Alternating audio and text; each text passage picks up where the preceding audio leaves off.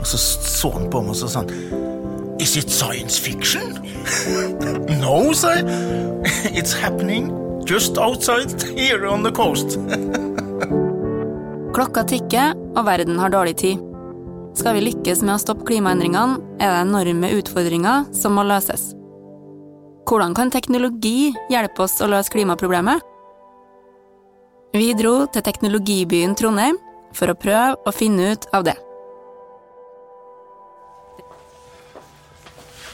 Vi er nå i varmetekniske laboratorier, og nede i kjelleren her så har vi en stor hemmelighet.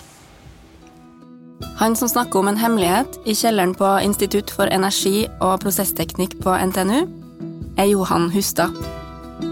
Han er leder for universitetets satsingsområde på energi, har undervist og jobba med studenter i en mannsalder, og har vært en pådriver for studentinnovasjon og entreprenørskap.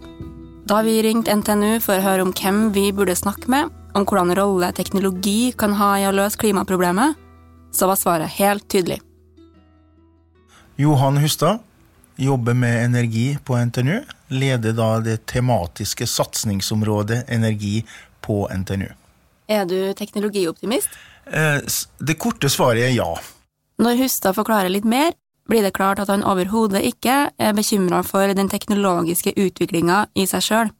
Årsaken til det finner vi i bakspeilet.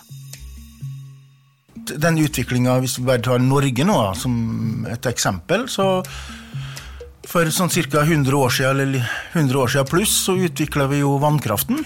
ikke sant? Og fra vannkraften så utvikler vi jo mange lettmetaller, aluminium, silisium osv. Og, så og det er jo da produkter som ble solgt eh, som på en eller annen måte er en viss form for råvare, men de kan bearbeides videre igjen. Så det fins alltid løsninger hvis man leter etter det, og det fins teknologi som kan være med på å avhjelpe veldig mange av de utfordringene vi står overfor. Sånn at teknologien må settes inn i et system. Det Johan Huste er opptatt av, er at samfunnet må klare å legge til rette for at ny og banebrytende teknologi som verden trenger, faktisk blir tatt i bruk. Og i dag så er jo solstrøm, for å si det sånn, strøm fra solcelleanlegg, det er jo konkurransedyktig med fossil energi. Man har jobba med solceller, bare som et eksempel, da. Siden 70-tallet, 80-tallet i Japan f.eks. I Europa så fant man jo ut at for at dette skulle få en anvendelse i samfunnet, så måtte de sette noen insentiver på plass. Og Insentivet betyr jo da at de som produserte strøm basert på solceller, og leverte det inn på nettet, de fikk en mye høyere pris enn det som var vanlig elektrisitetspris. Og På den måten så begynte nå investorene, da, som har penger og kapital, å si at eh, Oi, her har vi et marked, du. Her må vi investere. Ikke sant? Og på den måten så ble det jo bygd mye solcelleanlegg, for å si det litt enkelt nå.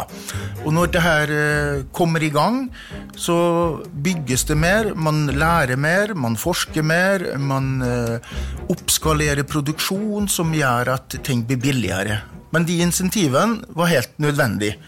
Hustad forteller altså at selv om solcelleteknologi begynte å bli tilgjengelig allerede for 50 år siden, så er det først nå det er blitt så billig at det kan konkurrere med fossile energikilder. Men 50 år til, det er jo tid som verden ikke har når det kommer til å stoppe klimaendringene. Derfor håper Hustad at det vil gå mye raskere innenfor andre fornybare energiområder som verden trenger. Ofte så er det når det gjelder ny energiteknologi, så må det ofte insentiver til i starten. Utvikle seg billig, konkurransedyktig, full fart. Så det, det er på en måte det er rammebetingelsen ofte, da. Og sånn er det med la oss si, flytende havvind, for å ta den også nå. Trenger insentiver til at den blir lønnsom. 80% av det potensialet vi har i verden i dag om ny elektrisitetsproduksjon, handler om eh, havområder hvor du må bruke flytende vind og ikke bunnfaste installasjoner. Til slutt så blir det konkurransedyktig. Derfor er jeg teknologioptimist. Hustad konkluderer altså med at han er teknologioptimist. Og han forteller gjerne historier fra forskningsmiljøet på NTNU. Vi hadde besøk av OECD, Eh, en av direktørene der, de var jo ut, og jeg var jo, ble jo annet intervjua der. Hvor de, hvor de, spurte liksom, ja, hvilke innovasjoner hva jobber dere med. Så fortalte de om det Åsgård-prosjektet. Og så sa jeg at ja, nå står jo de her kompressorløsningene står jo på havbunnen rett ut, utafor kysten her. Og nå holder vi på å utvikle en robot, en slangerobot som kalles Elum. Som nå er en ny innovasjon. Som da er vaktmesteren til det her, til det her eh, anlegget som står på havbunnen. Og så så han på meg og så sa han Is it science fiction? no, sa jeg. It's happening just outside here on the coast. Så det var jo utrolig morsomt. da. Han, han trodde ikke på meg, egentlig, men han, vi fikk vist det at dette her var faktisk tilfellet. Et av de prosjektene som OECD-direktøren trodde var science fiction, har sammenheng med den hemmeligheten som Johan Hustad snakka om helt i starten av episoden.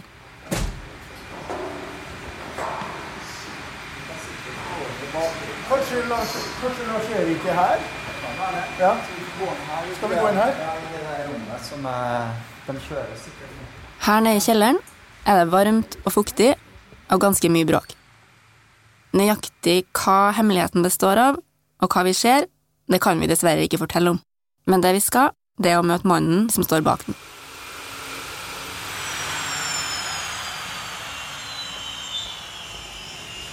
Så her er jo et eh, vanlig kompressorløpehjul. Um, du ser skovlene der. Det er sånn, akkurat som når du setter deg Det her er Lars Brenne. I 1997 var han student på NTNU og fikk mulighet til å skrive oppgave om temaet undervannskompresjon. Lite visste han da om at det skulle bli hans livsprosjekt. Nå har det gått 22 år. Statoil og senere Equinor har investert 19 milliarder kroner i prosjektet, og det er skrevet langt over 100 studentoppgaver ved NTNU om det. Og resultatet? Jo, det står på bunnen av Norskehavet, 200 km utafor Trøndelagskysten. Det består av verdens første undersjøiske kompressorløsning for gassproduksjon. Prosjektet har fått navnet Åsgård Subsea Gas Compression. Hva er Åsgård Subsea Compression? Ja, det er jo egentlig at vi har tatt uh, en, en, plattform og senka den ned. Eh, bare at vi har fjerna veldig mye av plattformen, så at det er veldig lite utstyr igjen. Eh, og den, er, den står alene og skal gå uten vedlikehold. På en plattform så er det så utrolig mye annen kraft du trenger sant? for at folk skal bo der, og at du skal ha kjølevann. Og, så mange tilleggssystemer det bygger på seg. da. Det, alt det er fjerna. Det har du en gevinst av. Som Lars Brenne sier, så er det en stor gevinst ved å ha strippa vekk mesteparten av de funksjonene og behovene som en tradisjonell, bemanna olje- og gassplattform medfører. Når hele produksjonsprosessen effektiviseres så kraftig som her, så har det også en stor gevinst for klimaet. Og det er fordi du bruker så mye mindre energi, og dermed slipper ut mye mindre CO2. Og i kjelleren på NTNU jobber de nå videre med neste versjon av kompressoren, og den skal bli enda mer effektiv.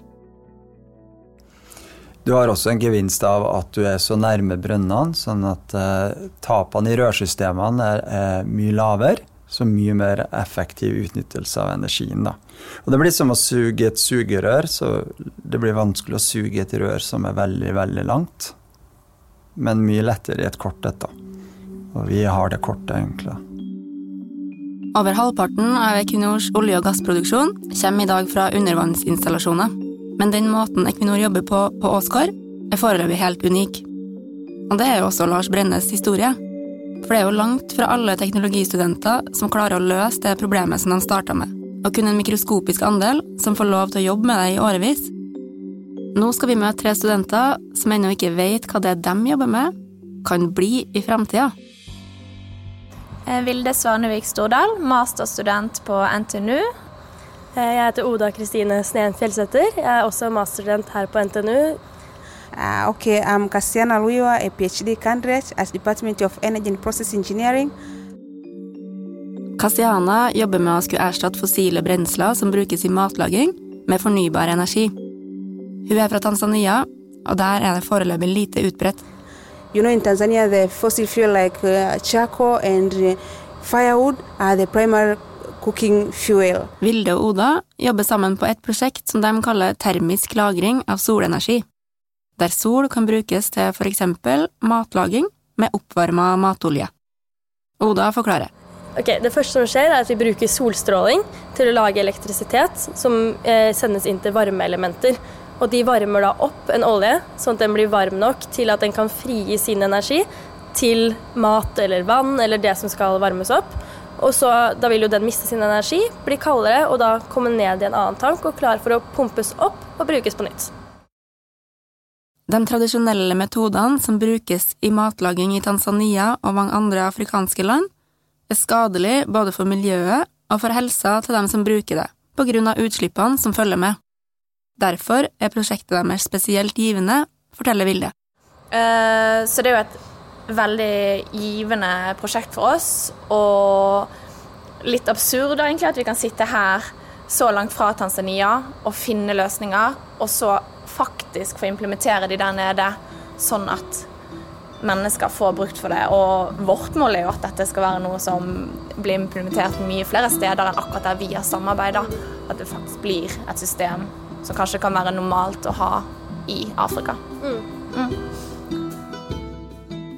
Vi starta denne episoden med å snakke om at hvis verden skal klare å løse de store spørsmålene, så trenger ikke vi bare teknologisk utvikling, men også at det legges til rette for at teknologi og fremskritt skal finne veien ut i samfunnet. Men selv om det stemmer, så må jo noen også tenke ut de nye løsningene. Uten folk, ingen ny teknologi. Eh, så det er jo sånn at, at noen mennesker er, eh, er innovative mange ganger. Det her er Henriette Undrum. Hun er direktør innen forskning og teknologi i Equinor. Selskapet har den siste tida vunnet flere kontrakter innen havvind, og selskapet var først i verden med å sette opp flytende vindturbiner til havs. Men hvordan skjedde egentlig det?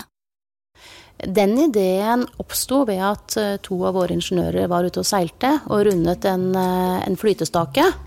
Eh, og fikk av det liksom ideen hm, kan vi bruke en sånn flytestake som et fundament for en vindturbin, istedenfor å ha en påle som vi dunker ned i bakken?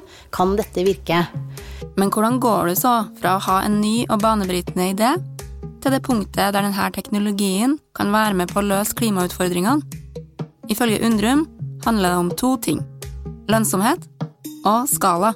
For å få lønnsomhet i en, eh, i en, sånn type utvikling som det både fornybar og olje og gass er, så handler det veldig mye om størrelse. Det handler om skala. Det handler om å, å, bygge opp en leverandørkjede, en industri rundt dette, som kan lage store industrielle løsninger. Lage standardiseringer, masseproduseringer.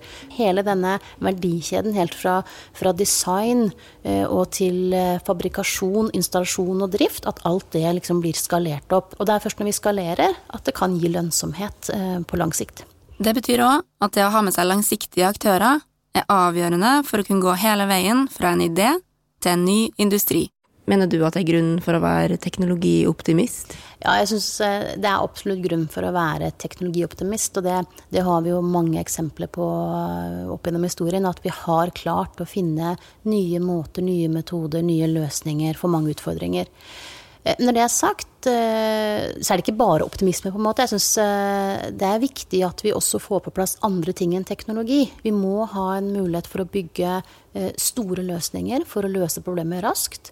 Eh, så det betyr at det må på plass både markedsmekanismer og reguleringer og insentiver eh, som gjør at vi får fart på prosjektene. Og så tror jeg også at i den utfordringen rundt klima, så, så må vi også ha atferdsendring hos forbrukerne. Og det, det, kan jo bli ubehagelig for oss når det blir stilt spørsmålstegn ved de valgene vi gjør som forbruker. Og så tror jeg at det handler også veldig mye om å hjelpe forbrukerne å gjøre gode valg. Eh, vi ønsker gjerne det som forbrukere, vi ønsker å gjøre gode, ansvarlige valg. Men, eh, men, det er ikke alltid lett å orientere seg på hva som er et godt og hva som er et dårlig valg.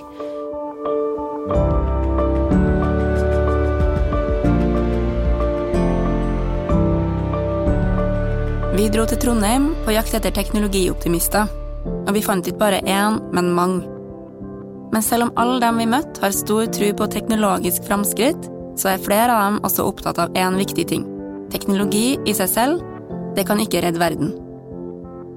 Teknologi har liten nytte hvis vi ikke får på plass de rammene og de systemene som må til for at ny og bedre teknologi skal ta over for den vi allerede har. Er vi som samfunn klar for å ta fatt på den oppgaven? Hvordan ser Norge ut om 30 år?